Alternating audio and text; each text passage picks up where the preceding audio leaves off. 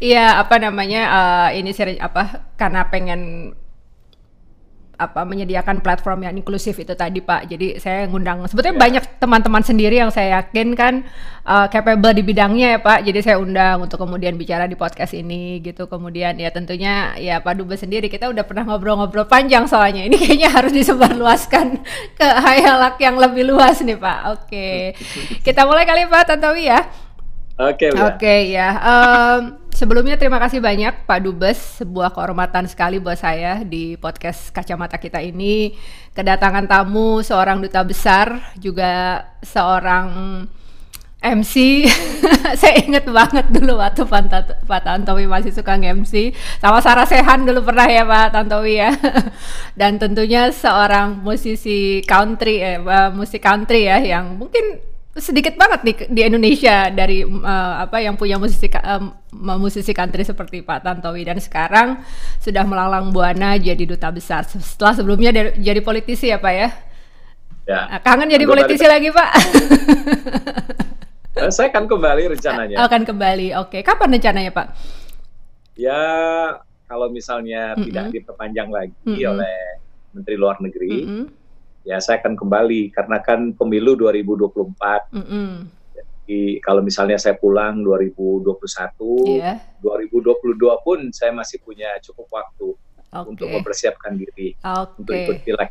Oke, okay, mantap, mantap. Oke, okay, um, gini Pak, New Zealand kan adalah salah satu negara di dunia yang dapat dibilang berhasil menghadapi COVID-19 ini ya Pak ya, dengan minimnya jumlah korban dan diturunkannya restriction level secara bertahap. Kalau nggak salah besok akan diputuskan ya Pak ya, apakah New Zealand akan masuk ke level 2 atau tetap di level 3, seperti itu ya? Ya, okay. uh, eh, beritanya begitu. Uh -uh. Di siang atau sore uh, Perdana Menteri Arden akan mm -hmm. mengumumkan apakah uh, Selandia Baru turun lagi ke level 2 mm -hmm. atau tetap bertahan di level 3. Oke, okay, ya.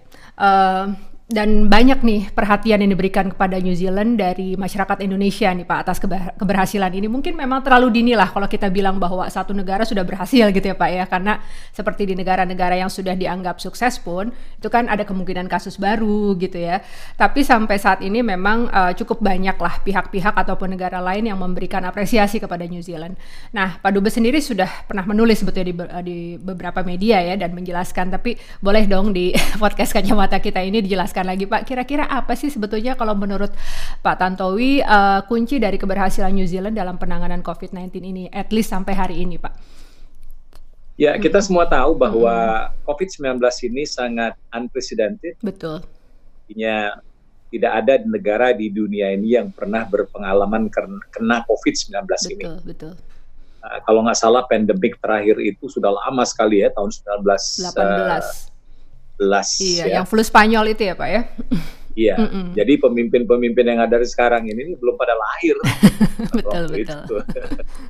nah, namun demikian di tengah uh, eh, COVID-19 yang unprecedented ini, ada negara yang prepare. Gitu. Jadi kita sekarang ini kuncinya itu berbicara mengenai preparedness okay. in the unpreparedness. Okay semua negara itu tidak tidak ada yang prepare. Oke. Okay. Ya. Tapi ada negara yang ternyata prepare. Mm -hmm. Selandia Baru ini adalah negara yang prepare. Mengapa dia prepare? Karena dia yang terakhir kena virus ini. Mm. Jadi ada untungnya juga negara yang terletak di paling selatan karena setelah Selandia Baru itu kan tidak ada lagi negara. Iya, betul. Setelah Selandia Baru itu cuma ada kutub. Kutub kutub utara ya. Karena eh, kutub dia, selatan, sorry ya. ya kutub selatan. Hmm. Karena dia yang paling akhir, dia bisa melihat nih eh, negara-negara yang terkena apa hmm. saja yang dilakukan oleh pemerintahnya. Okay. Paling tidak dia bisa menilai. Nah, pada saat uh, dia menunggu kedatangan virus itu yang sooner uh, or later itu pasti akan datang ke negaranya. Hmm. Mereka sudah meli, uh, sudah menyiapkan uh, berbagai langkah okay. uh, ketika uh, virus itu masuk ke negara ini. Hmm. Jadi it goes without saying, mereka itu sudah they were prepared. Ya. Sehingga uh, ketika uh, kasus pertama kali terjadi tanggal 28 Februari itu adalah hmm. infection pertama di sini. Hmm.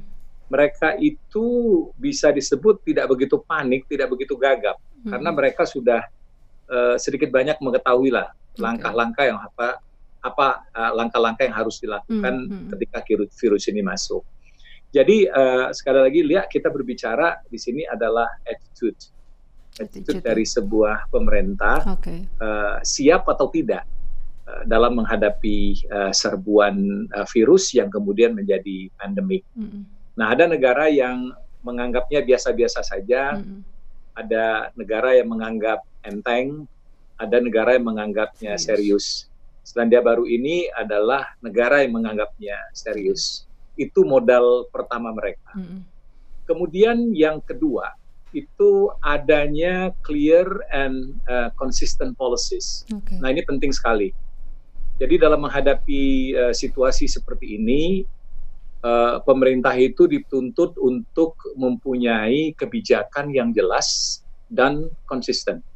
Karena jika tidak, ini akan menimbulkan kepanikan tersendiri. Hmm, betul. Jadi virus itu sendiri yang kemudian menjadi pandemik adalah it's a panic. Uh, kemudian ketidakjelasan peraturan hmm. adalah kepanikan yang lain lagi, hmm. ya kan begitu. Hmm, hmm, hmm. Nah, syukur alhamdulillah di sini di Selandia Baru itu tidak ada karena uh, peraturannya jelas dan konsisten, hmm. maka kepanikan itu bisa disebut uh, berada pada level yang eh, rendah. Uh, sangat rendah okay. jika tidak mau disebut hampir tidak ada. Okay. Ya. Nah kemudian yang tiga uh, firm government, hmm. ya. Jadi uh, pemerintah yang uh, sangat firm, sangat uh, disiplin, hmm. bahkan tegas dalam melaksanakan kebijakan-kebijakan uh, yang kemudian turun menjadi peraturan-peraturan uh, itu. Hmm. Keempat, saya lihat adanya uh, dukungan yang kuat dari parlemen dan juga okay. media. Okay. Nah ini uh, kita tahu bahwa Selandia Baru itu adalah negara yang sistem pemerintahannya adalah parlementer. Hmm. Uh, uh, menteri itu sendiri, pemerintah itu sendiri adalah bagian dari parlemen. Jika mereka tidak bisa uh, menciptakan kolaborasi dengan uh, kelompok oposisi, maka tentu saja langkah-langkah mereka tidak akan semulus uh, sekarang ini. Okay oposisi tetap ada di sini dan mereka sangat kritis. Uh, jangan dibilang bahwa oposisi di Selandia Baru ini tidak kritis. Bayangkan partai nasional yang sekarang ini menjadi oposisi itu adalah mantan penguasa selama tiga periode sembilan tahun. Yeah.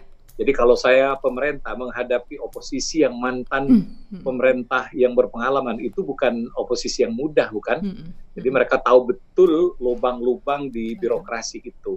Tapi yet mereka tahu betul kapan harus beroposisi yang uh, stringent, mm -hmm. kapan yang beroposisi yang lebih mementingkan masyarakat banyak. Okay. Nah, di sini saya melihat uh, kematangan berdemokrasi dari sebuah negara kecil mm. seperti Selandia Baru. Okay.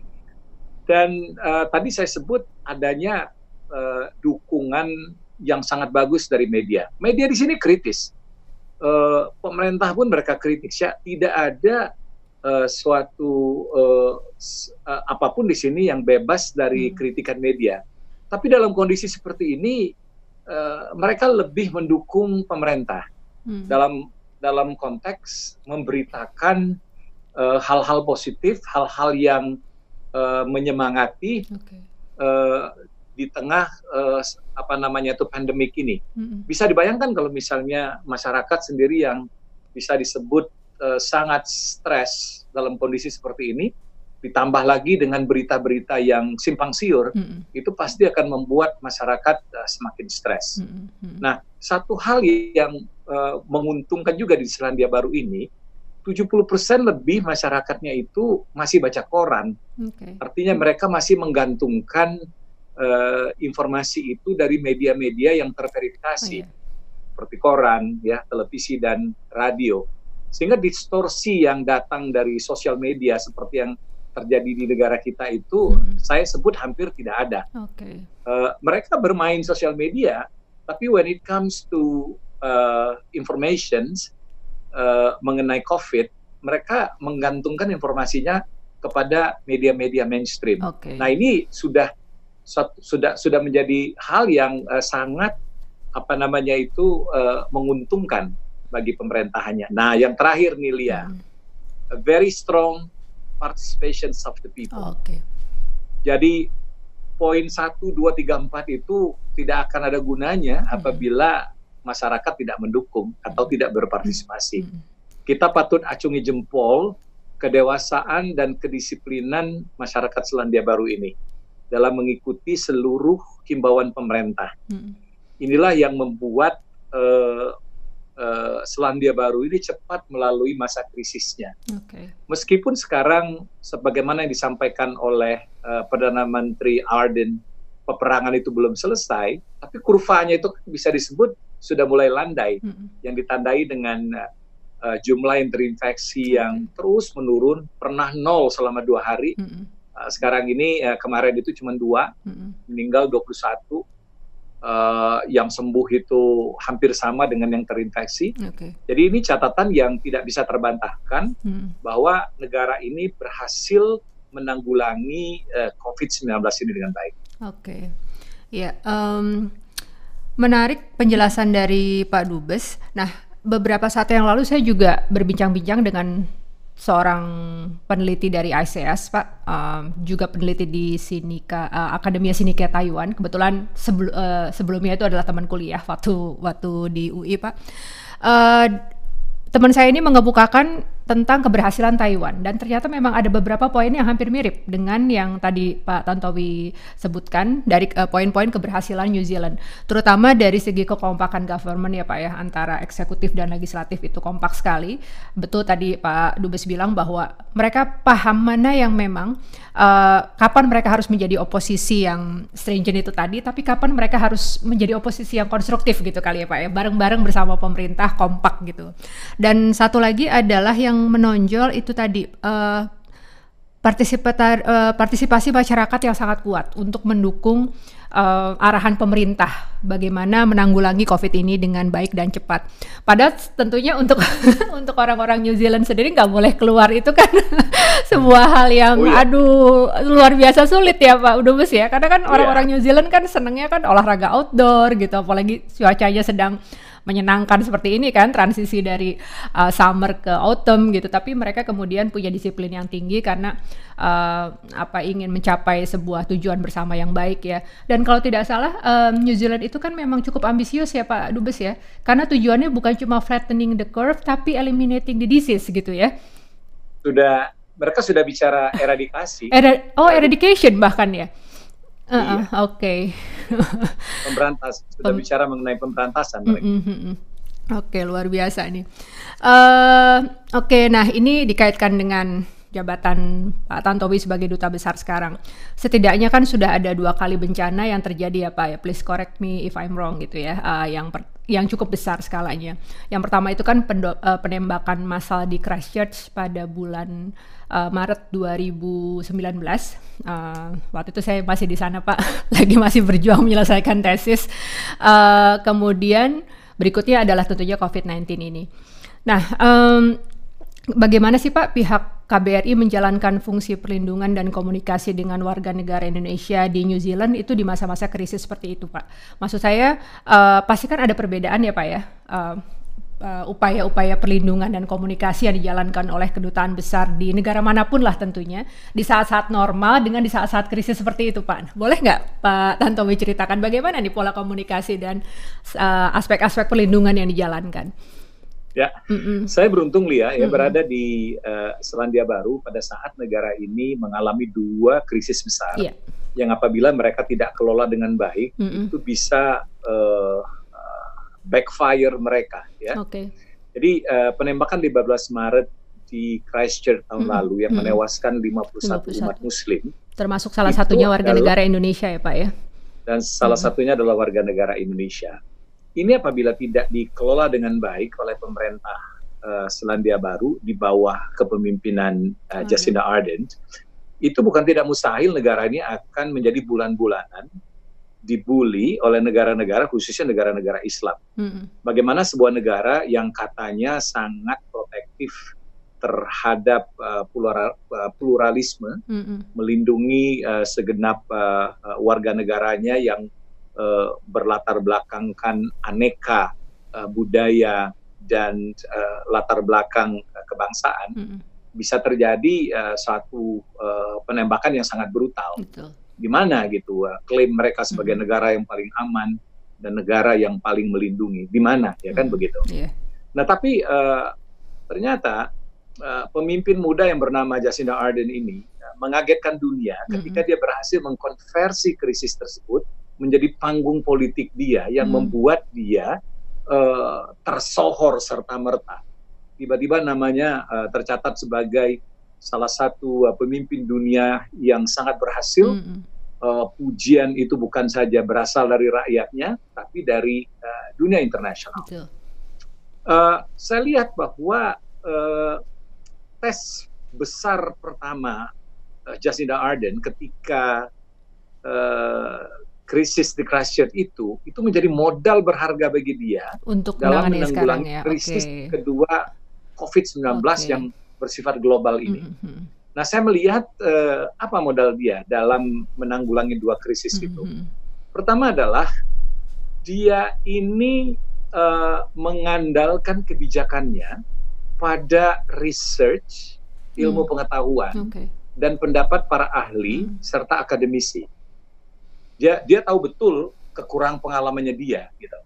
Ya, sebelumnya kan dia belum pernah menjadi uh, menteri. Hmm. Jangankan perdana menteri, jadi menteri pun dia belum pernah, hmm. ya kan? Hmm. Nah, dia sadar betul dalam kondisi seperti ini, dia harus banyak mendengar orang dan harus banyak mengacu kepada ilmu pengetahuan hmm. atau sains. Sulit untuk salah ketika dia membuat kebijakan basisnya adalah itu. Nah, ya kemudian yang kedua, dia melaksanakan ini dengan uh, compassionate ya uh, sangat empati kepada masyarakatnya sehingga uh, sincerity dia itu terlihat hmm. dalam setiap ucapannya dia. Okay. Uh, rewardnya apa? Masyarakat bersimpati kepada dia hmm. dan mendukung dia. Nah yang ketiga, leadership dia yang sangat decisive. Okay. Jadi uh, dia dalam uh, situasi yang sangat genting. Uh, sebagaimana yang terrefleksi di dua krisis ini, dia itu sangat decisive gitu. Jadi dia tahu betul apa yang dia harus lakukan dan tidak kelihatan uh, bimbangnya. Okay. Nah, sikap seperti ini membuat uh, dia itu uh, uh, apa namanya ya, cultivate trust dari uh, masyarakatnya mm-hmm. dari hari ke hari. Okay. Nah itu yang membuat uh, dia semakin mudah mm-hmm. dalam uh, memimpin uh, roda pemerintahan dan masyarakatnya di tengah krisis yang besar. Okay. Mm-hmm. Nah plus ada plusnya nih, mm-hmm. Dia mempunyai kemampuan untuk berbicara di depan publik yeah, yang sangat yang baik. Sangat baik. Betul. Mm-hmm. Nah itu menjadi modal mm-hmm. berharga bagi seorang pemimpin ketika mempunyai uh, kemampuan uh, meyakinkan publik terutama dalam masa-masa genting seperti ini. Nah, itulah yang saya lihat, saya sorot, saya perhatikan baik sebagai uh, duta besar, politisi, karena dia juga politisi, hmm. Dan ketiga uh, sebagai bagian dari komunitas yang ada di Selandia Baru. Oke. Okay. Uh, sehingga ini juga membantu tugas ke, uh, KBRI dalam ini ya Pak ya, menyampaikan komunikasi oh, iya. kepada warganya. Oke. Okay. Hmm. Terima kasih Lia. Hmm. Bagaimana bagaimana kita uh, dalam uh, melakukan komunikasi dengan hmm, warga kita? Hmm, Sampai saat ini terdata di KBRI itu ada 7.000 warga negara Indonesia okay. yang tinggal di berbagai kota mm -hmm. di dua pulau ya, Pulau mm -hmm. Utara dan Pulau Selatan. Dari 7.000 itu 1.300, 1.400 itu adalah pelajar dan mahasiswa. Uh, sejak saat pertama saya tiba di Wellington mm -hmm. tahun 2017 yang lalu, uh, salah satu yang saya tekankan itu adalah pentingnya mendata masyarakat kita yang ada di Selandia Baru. Okay. Harus kita tahu mereka-mereka itu di mana, uh, terus uh, siapa saja mereka itu. Mm. Nah, jadi uh, saya uh, minta kepada staf di KBRI untuk melakukan database agar supaya kita tahu. Tapi basis kita lihat, basis kita tuh adalah yang melapor. Okay. permasalahan dari uh, warga negara mana pun ketika dia datang ke negara lain itu jarang yang melapor ke uh, kedutaannya. Okay. Nah, kalau dia tidak melapor ya mana kita tahu. Mm -hmm. jadi basis kita tuh adalah yang melapor terus diupdate data-datanya okay. sehingga kita tahu betul Apakah mereka masih tinggal di sana, masih kerja di sana? Jika tidak, hmm. mereka pindah ke mana? Hmm. Nah, yang kedua, tangan KBRI itu uh, sangat terbatas. Kita hanya uh, 11 diplomat termasuk saya dan 14 hmm. tokoh staff, 25 orang untuk uh, menghandle 7.000 warga kita yang terpencar-pencar ya. Mm-hmm. Ada yang di kota, ada yang di daerah remote. Mm-hmm. Itu sangat tidak mungkin. Nah, oleh karenanya kita membangun uh, perwakilan. Kita tidak karena karena kedutaan uh, Republik Indonesia di Selandia Baru itu kan tidak sebesar di Canberra. Kita tidak ada konjen, kita tidak ada konsul. Nah, untuk uh, menanggulangi uh, keterbatasan tersebut, maka kami menciptakan simpul-simpul masyarakat, ketua-ketua masyarakat. Nah, syukur alhamdulillah sekarang ini kita sudah punya 20 ketua-ketua masyarakat yang tersebar di berbagai kota okay. uh, eh, di Selandia Baru. Bahkan uh, kita sudah punya perwakilan di Cook Island, di Samoa, okay. dan juga di Tonga. Mm -hmm. Dari 20 orang itu. Nah, 20 orang inilah yang terus-menerus bekerja sama dengan kami sebagai perpanjangan tangan KBRI hmm. untuk melihat keadaan dan keberadaan dari warga negara Indonesia. Akibatnya apa, Lia? Ketika uh, uh, 15 Maret itu penembakan di Christchurch, hmm. kita itu begitu terjadi penembakan seperempat jam itu warga negara kita tuh kita udah kontak semua hmm.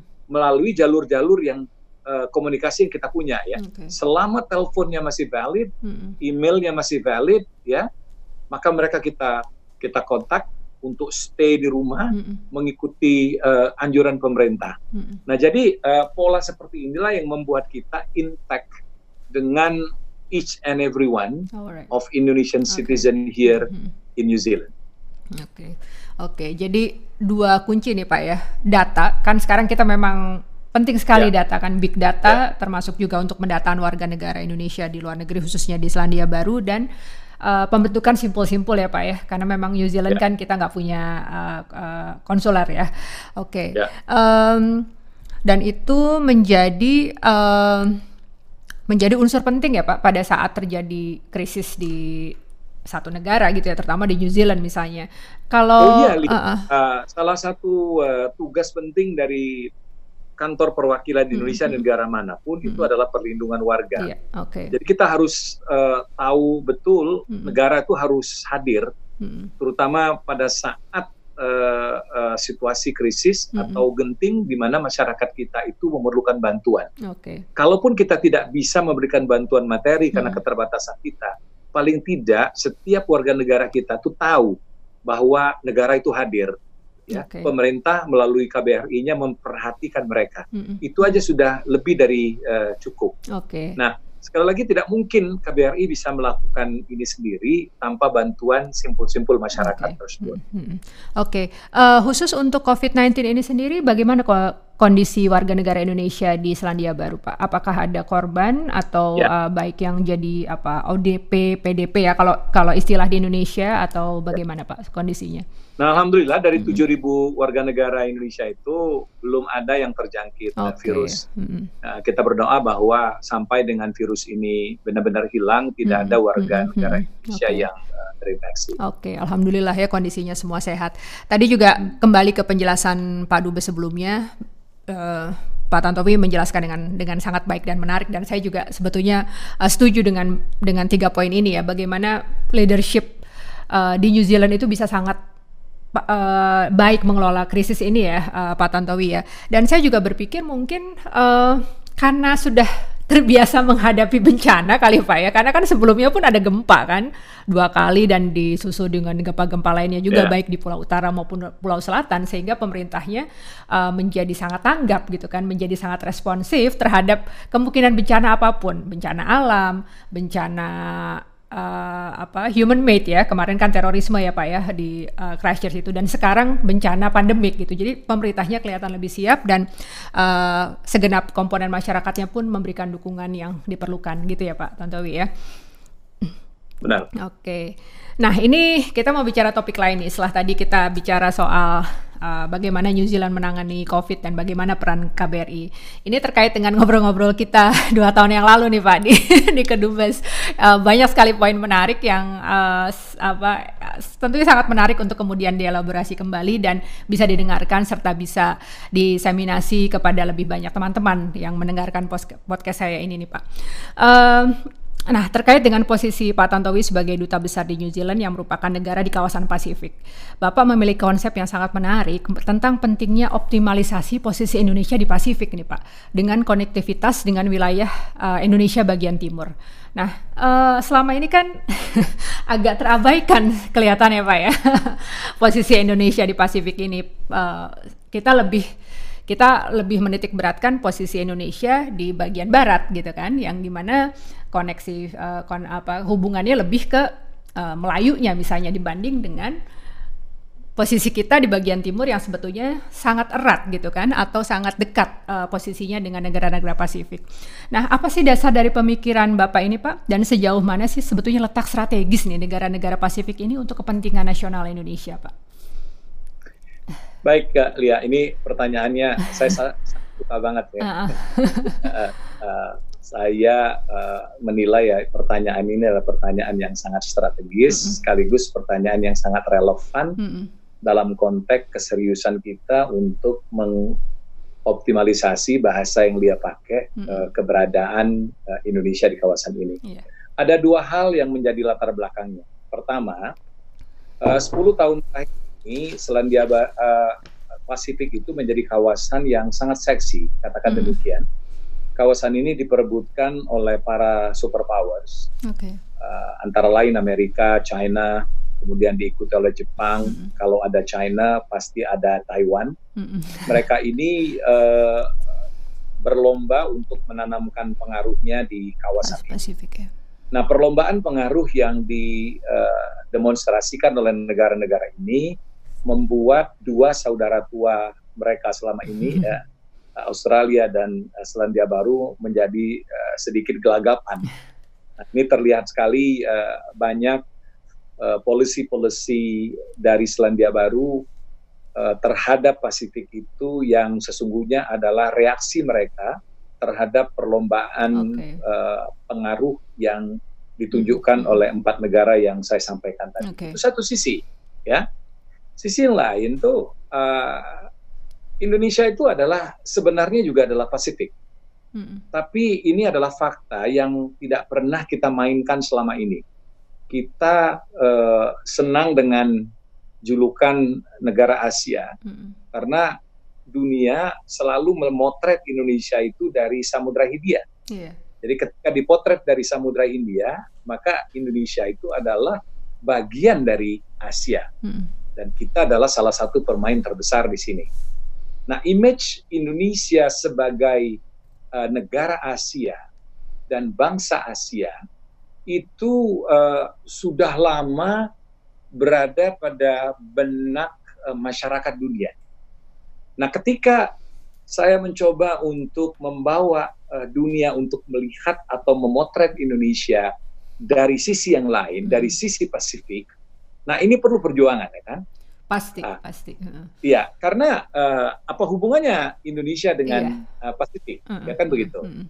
Nah, padahal kita punya fakta geografis dan fakta demografis yang tidak terbantahkan apabila kita kapitalisasi dengan baik. Geografisnya, lima provinsi Indonesia di bagian timur, yaitu Papua, okay. Papua Barat, Maluku, Maluku Utara, dan NTT, secara geografis itu terletak di Samudra Pasifik. Okay. Lihat aja peta. Ya, mereka itu ada di Pasifik. Hmm. Mau bukti lagi, PNG yang merupakan tetangga hmm. dari Papuanya kita itu adalah negara terbesar di Pasifik. Hmm. Mereka hadir sebagai anggota dari perkumpulan negara-negara di Pasifik okay. ini. Mereka hadir sebagai anggota PIF ya atau Pacific Island Forum. Hmm mereka juga anggota dari Melanesian Spearhead Group.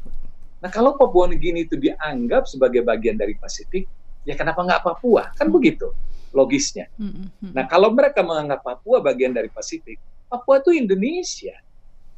Ya. Papua itu adalah Indonesia. Nah, jadi melihat fakta fakta-fakta itu uh, tak terbantahkan bahwa Indonesia juga adalah bagian dari Pasifik. Ya.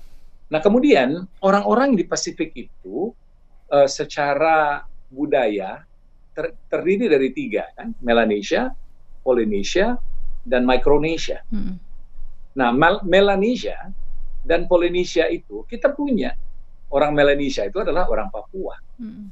Sebagian tinggal juga di Maluku, sebagian lagi tinggal di NTT. Melanesia mereka itu. Ras mereka itu, rumpun mereka itu Melanesia. adalah Melanesia. Kemudian Polynesia itu adalah bangsa terbesar kedua di Pasifik ini, ya, seperti orang Samoa, orang Tonga, ya, kemudian orang uh, Tuvalu. Hmm kita punya orang Polinesia itu, yaitu saudara-saudara kita yang tinggal di Maluku.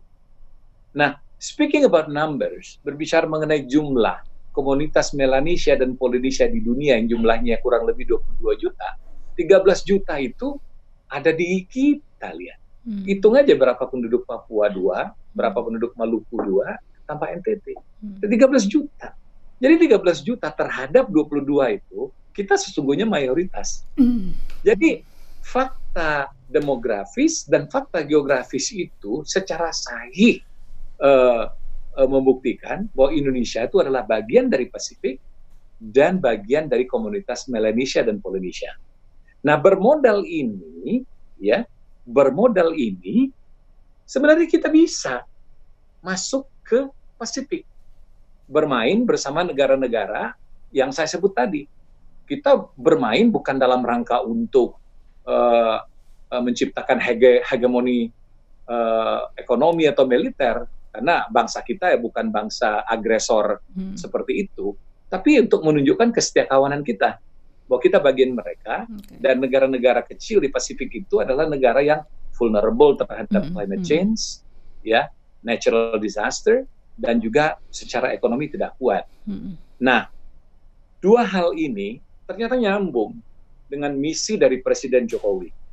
Presiden Jokowi itu sejak awal pemerintahannya mempunyai obsesi agar supaya Indonesia itu tampil agar Indonesia itu lebih tampil di Pasifik. Okay. Ya, itu amanat dari Presiden Jokowi pada periode pertama dan itu tidak berubah bahkan makin kuat ya pada waktu uh, memasuki uh, periode kedua. Nah, jadi kan nyambung ya. Presiden menginginkan Indonesia tampil di Pasifik, kemudian di sisi lain negara-negara besar itu rebutan pengaruh di Pasifik, dan kita itu sesungguhnya punya fakta yang tidak kita kapitalisasi bahwa kita adalah bagian dari Pasifik. Nah, saya ketika ditugaskan sebagai duta besar eh, Republik Indonesia di Selandia Baru yang diagreditasikan juga ke Samoa dan Tonga, salah satu prioritas saya tuh from the start, from the day one tuh hmm. adalah mengaktualisasikan obsesi dari presiden ini. Hmm. Mulailah saya bermain karena Lia uh, cukup lama di Wellington, Lia menjadi saksi bagaimana KBRI itu melakukan berbagai terobosan-terobosan uh, out of the box diplomacy yeah. uh, dalam rangka membawa Indonesia itu secara bermartabat ya masuk ke dalam lingkaran negara-negara di, di Pasifik tersebut. Mm.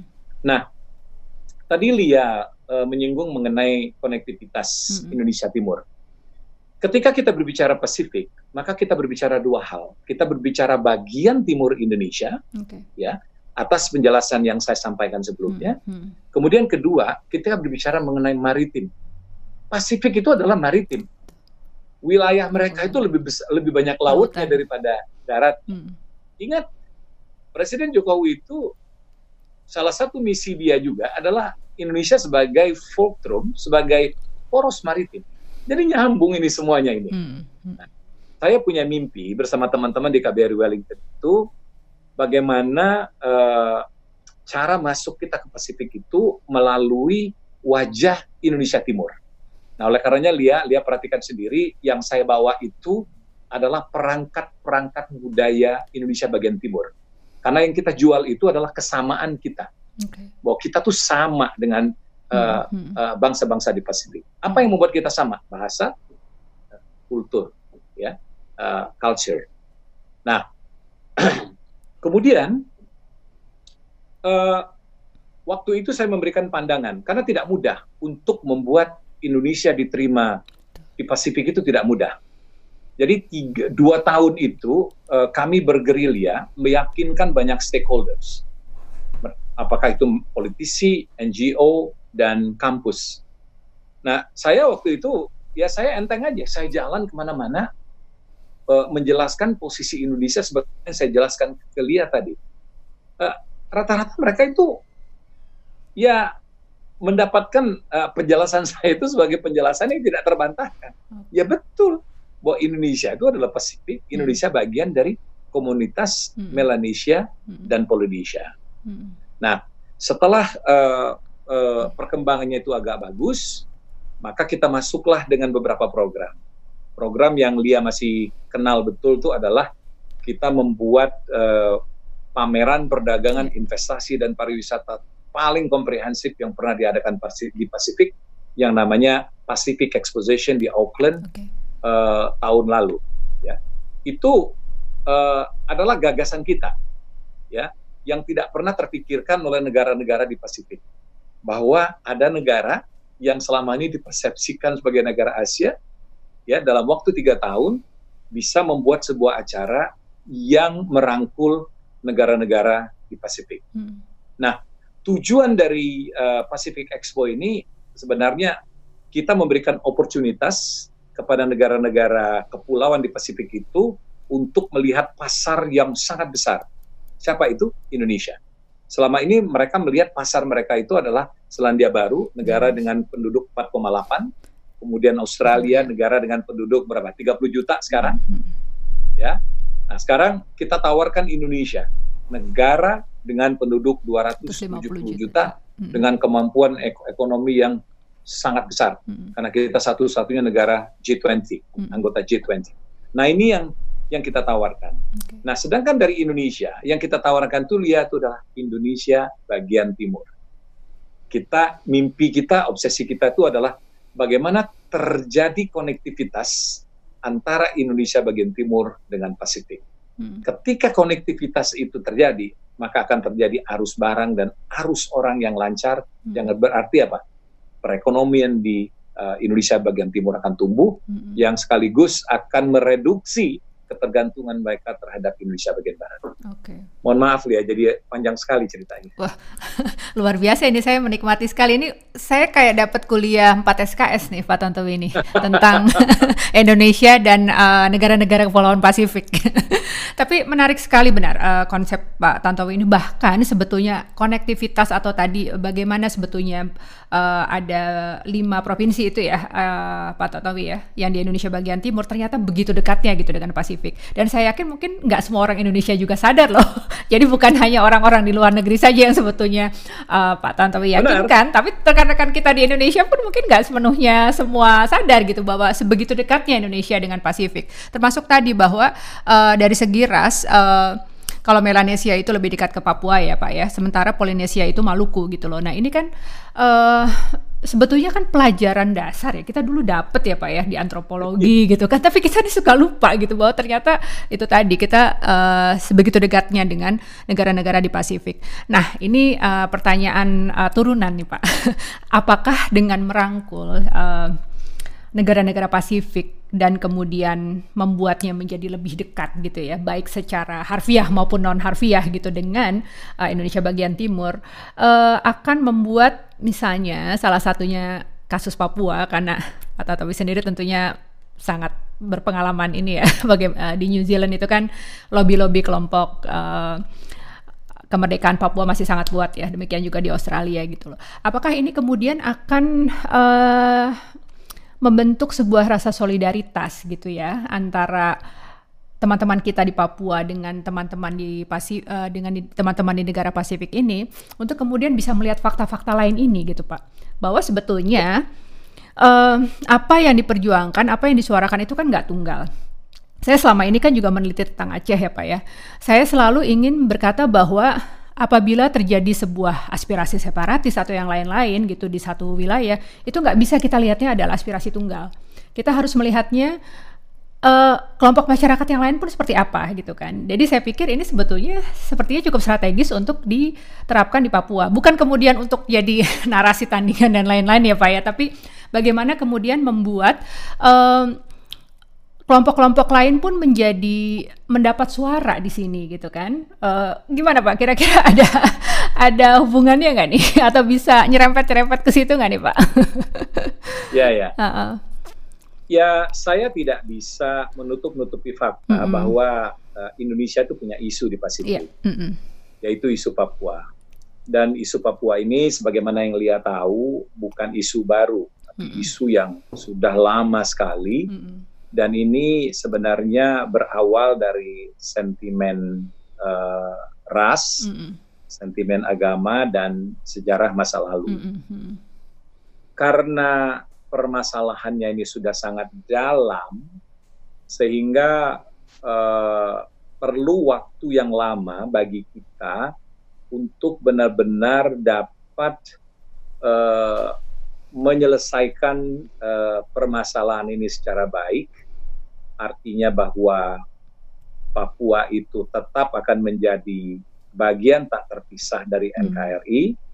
Kemudian negara-negara Pasifik, khususnya yang selama ini secara gigih berjuang untuk memisahkan Papua dari NKRI itu juga mendapatkan penjelasan hmm. yang uh, memuaskan. Oh, iya sekaligus uh, menghentikan aktivitas mereka sebagaimana sebagaimana yang uh, mereka lakukan uh, selama ini. Isu Papua sebagaimana yang Lia ketahui sekali lagi itu adalah isu politik. Hanya dimainkan oleh orang-orang politik, partai-partai politik, NGO-NGO dan media yang motifnya itu adalah politik. Jadi eh, hasil yang ingin mereka dapatkan itu adalah hasil politik. Makanya eh, isu ini muncul kemudian naik ke permukaan marak ketika eh, momen-momen tertentu, hari-hari besar tertentu, dan juga ketika terjadi event-event politik di negara-negara hmm. hmm. Pasifik tersebut. Katakanlah misalnya pemilihan umum. Tidak bisa kita nafikan bahwa isu Papua ini laku dijual di beberapa negara. Jadi ini adalah sebagai komoditas. Okay. Kemudian setelah event politik itu selesai, maka dia akan landai kembali. Nah, kita kita mengerti eh, pola-pola uh, seperti ini. Nah, kita harus mampu menyikapinya dengan baik. Otherwise, ini akan menjadi baggage kita terus. Gitu. Jadi harus ada upaya yang komprehensif dari pihak kita. Komprehensif menurut saya itu uh, yang saya maksud itu adalah total football ya. Uh, tidak bisa hanya diserahkan kepada satu atau dua kementerian saja, tapi semua itu harus bermain, ya, uh, secara uh, domestik. Uh, apa yang kita harus lakukan, apa yang kita harus bereskan. Kemudian kami di uh, Kementerian Luar Negeri melalui perwakilan-perwakilan uh, baik itu KBRI atau KJRI, khususnya di negara-negara yang ada langsung berurusan dengan uh, isu Papua ini juga bekerja. Nah, jadi uh, ini harus uh, terintegrasi dengan baik. Nah, Pacific Expo ya ataupun Pacific Elevations hmm. itu adalah nama program kita. Oke, okay, Pacific Elevation uh, ya Pak ya. Oke. Okay. Uh, Pacific Elevation itu adalah payung uh, kita, payung yang uh, membawahi program-program kita untuk Pasifik. Oke. Okay uh, apa programnya adalah peningkatan kerjasama ekonomi hmm. yang nanti akan berujung kepada kesejahteraan masyarakat yang ada hmm. di Pasifik. Hmm. Ini tidak terkait dengan isu Papua. Hmm. Jadi kalaupun tidak ada isu Papua, akan kita sebagai okay. hmm. dari Pasifik tetap akan menjalankan okay. itu. Okay. Hmm. Ya, jadi uh, uh, banyak yang menafsirkan ah ini kan.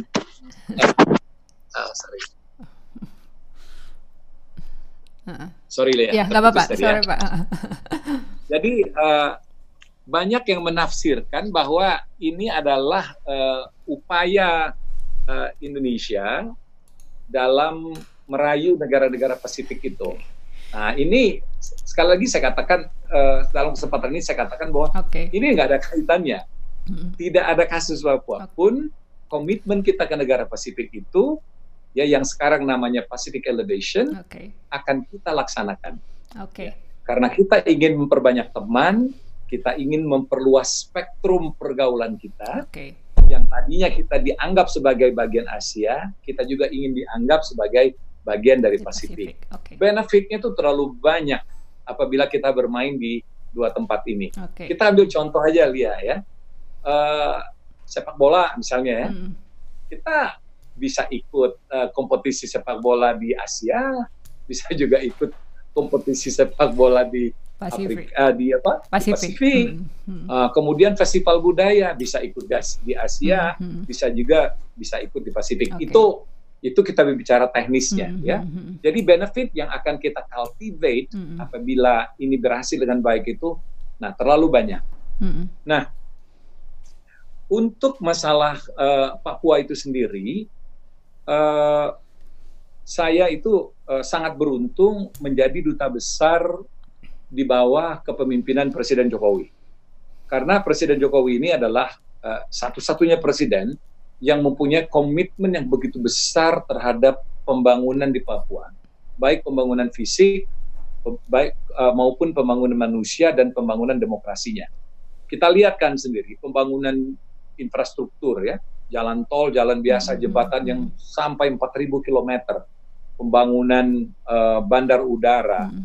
kemudian pelabuhan laut, itu adalah bukti-bukti nyata komitmen beliau untuk menembus keterisolasian, ya membuka peluang ekonomi hmm. dan mempererat persatuan dan kesatuan kita sebagai sebuah bangsa. Itu ya. Kemudian kita lihat sendiri bagaimana uh, presiden melalui berbagai program itu terus meningkatkan kesejahteraan masyarakat. Lihat tahu itu uh, uh, eh, BBM satu harga ya antara Papua dengan provinsi-provinsi hmm. lainnya. Kemudian semen satu harga. Terus harga-harga komoditas itu ditekan uh, sedemikian rupa sehingga tidak ada price gap yang begitu besar antara di Papua dengan provinsi-provinsi lainnya. Kemudian demokrasi juga terus ditumbuhkan. Ya, uh, dalam rangka memberikan kesempatan yang seluas-luasnya, khususnya kepada orang asli Papua, hmm. untuk berperan serta dalam membangun daerahnya sendiri. Okay. Jadi uh, bohonglah kalau uh, ada berita-berita yang selama ini dialamatkan ke kita bahwa uh, pemerintah kita tidak membangun Papua, ya itu adalah uh, uh, suatu suatu fakta, ya. Nah, pembangunan di Papua yang secara masif ini Lia ya, pembangunan manusia, pembangunan demokrasi dan pembangunan infrastruktur tidak akan berarti banyak apabila Papua itu tidak terbuka untuk arus barang dan orang dari Pasifik. Persis. Ya, hmm. kalau hanya buat uh, mereka aja, hmm. uh, saya rasa terlalu besar itu ya. Tapi ketika nanti Papua itu terbuka, ya, untuk negara-negara Pasifiknya, saya melihat bahwa seperti yang Lia sampaikan tadi, orang Papua itu akan bersempatan melihat negara-negara Pasifik lainnya dan, dan sebaliknya ya Pak ya. Hmm. Dan sebaliknya, dan mereka bisa membandingkan. Hmm. Pada saat itulah mereka akan membuktikan hmm. berita-berita hmm. yang selama ini membom, membor, mem, apa, bom, bombardir, bombardir mereka hmm. itu hmm. benar atau tidak. Setelah mereka melihat pembangunan masif di Papua, kemudian tidak ada jam malam di Papua, ya, keamanan sangat terjamin, kemudian rakyatnya semakin lama semakin pintar. Ini adalah keuntungan dua belah pihak yang kita harus bicarakan secara serius. Oke, oke, terima kasih Pak Tantowi. Tadi ada satu konfirmasi yang penting sekali gitu bahwa program Pacific uh, Elevation ini ya, bagaimana Indonesia ingin uh, uh, lebih memperluas persahabatannya dengan negara-negara Pasifik itu sebetulnya tidak ada kaitannya dengan Papua ya Pak. Jadi semata-mata didasarkan pada kepentingan strategis dan juga kepentingan untuk memperbanyak uh, teman di kawasan Pasifik. Kalaupun nanti kemudian ada impactnya ke Papua ya itu sebetulnya adalah sebuah uh, efek ya ya blessing ya. Sebuah efek positif yang akan diharapkan bisa terjadi terutama sekali apabila Papua akhirnya bisa terbuka. Karena rasanya kan ini juga menjadi sebuah hal yang tidak terlalu mudah juga ya Pak ya untuk bisa membuka Papua ke ke dunia luar dengan cepat gitu ya di Indonesia ya. Butuh waktu tentunya Pak ya. Tapi mudah-mudahan saja ya hal itu bisa terjadi. Oke. Okay. ya. Mm -mm. Kalau kita berbicara mengenai Indonesia Timur, hmm. tentu tidak semata-mata kita berbicara Papua, Papua okay. kita berbicara Maluku, hmm. kita berbicara NTT, okay. ya. Hmm. Ada tiga provinsi ya, hmm. dua di Maluku dan satu NTT yang sama-sama mempunyai potensi luar biasa di bidang ekonomi dan, dan pariwisata. pariwisata. Oke. Okay. Ya. Nah, hmm. Lia bisa bayangkan ketika uh, ada konektivitas langsung dari Pasifik ke Maluku hmm. ataupun ke NTT. Hmm apa yang bisa didapatkan eh, oleh masyarakat di uh, tiga provinsi tersebut. Hmm, hmm. Ya keuntungan ekonomi. Hmm. Sekarang ini uh, UNICEF telah menentukan uh, Ambon itu sebagai kota musik. Betul. Hmm. Nah di Pasifik itu lihat tidak ada kota musik itu tidak ada. Walaupun masyarakat Pasifik iya, itu padahal mereka sangat senang nyanyi ya Pak Tantowi ya, sangat mereka, senang seni ya. mereka mereka suka musik kan, mm -hmm. tapi kota musik okay. di Pasifik di Pasifik itu tidak ada. Mm -hmm. Nah, jika kita mampu menjual Ambon sebagai kota musik, mm -hmm. saya rasa ini akan menjadi alternatif destinasi baru mm -hmm. untuk orang yang datang ke Pasifik, okay. ya turis dari luar Pasifik mm -hmm. dan untuk orang Pasifik itu sendiri. Okay. Dan Ambon itu udah pasti akan berkembang kan. Yeah, okay. Nah bayangkan bahwa di kawasan mereka itu ada kota kota musik dunia, hmm. ya seperti Vienna, seperti Nashville, seperti uh, banyaklah kota-kota musik di dunia itu. Di Pasifik itu ada, yaitu Ambon. Kemudian NTT itu kan lagi dalam kecepatan tinggi sebelum COVID ini kan membangun pariwisata mereka, keunikan mereka itu dijual, keindahan laut, karang dan lain sebagainya tidak kalah dengan uh, yang ada di negara-negara Pasifik. Nah turis yang selama ini dari Eropa dari Amerika ketika dia naik kapal pesiar hmm. selalu dibawa ke Pasifik yang sebelah sana okay, kan. Oke, iya. Hmm, hmm, hmm. Ketika Indonesia Timur itu terbuka, maka ada alternatif baru Pasifik yang sebelah sini. Hmm. Hmm. Termasuk di dalamnya itu adalah PNG, Tasmania. Jadi Australia dan Selandia Australia dan eh, PNG juga akan mendapat benefitnya. Ketika jalur cruise itu sudah mulai menjelajah okay. ke arah hmm, timur hmm, Indonesia. Hmm, hmm. Oke. Okay.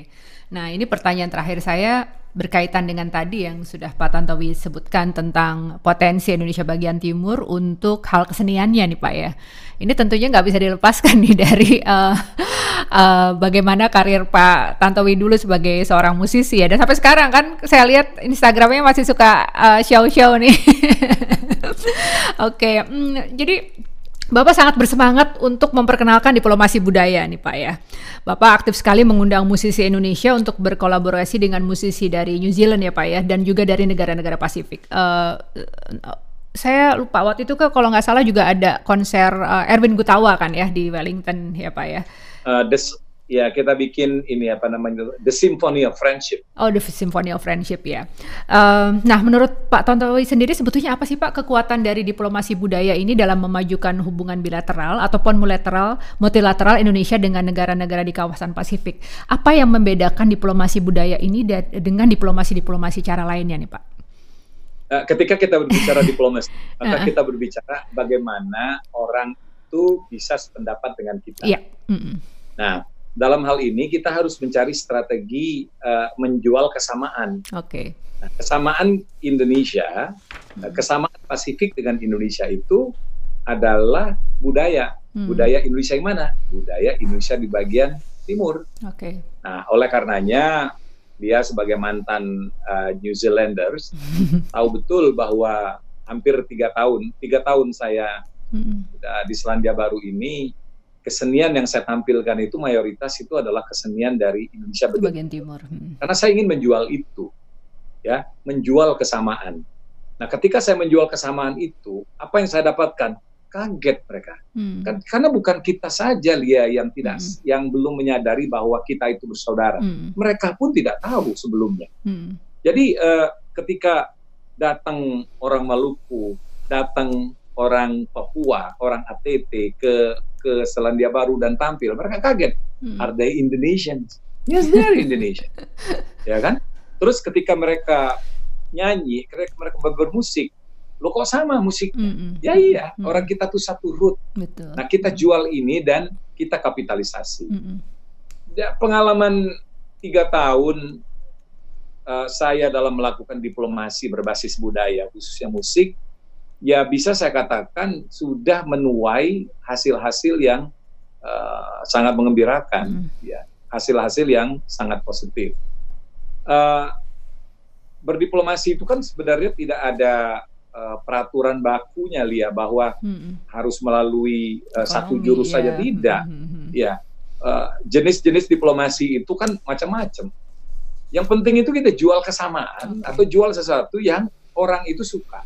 Hmm. Dan ketika saya menjual budaya dari Indonesia Timur, hmm. hmm, hmm. mereka mengapresiasinya dengan baik. Okay. Jadi menurut saya uh, bentuk diplomasi yang paling mujarab, saya menggunakan kata mujarab seperti obat hmm. untuk uh, merangkul uh, bangsa-bangsa di Pasifik ini ya melalui budaya. Okay. Karena itulah kesamaan yang paling utama antara mereka dengan Indonesia bagian timur okay. yang itu adalah Indonesia. Oke. Okay.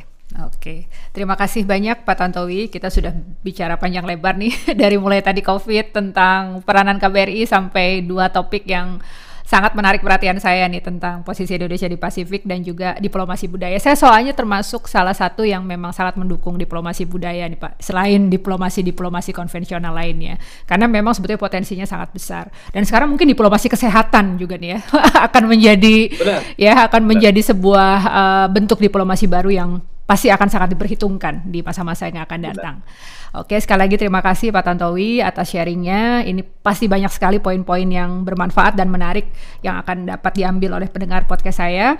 Uh, stay healthy, Uh, masih stay home ya Pak ya, walaupun mungkin besok udah mulai dilonggarkan ke level tuh mudah belum, belum ya, baru oke. Okay. uh, salam untuk keluarga dan juga untuk seluruh teman-teman di Kedubes dan teman-teman warga negara Indonesia lainnya di New Zealand Pak. Tetap sehat, tetap semangat. Terima kasih banyak. Selamat malam. Assalamualaikum warahmatullahi wabarakatuh. Terima kasih Lia untuk kesempatan yang mudah-mudahan ya. apa yang kita share ini bermanfaat. Ya. Tentu Pak, thank you Pak. Assalamualaikum. Okay. Waalaikumsalam.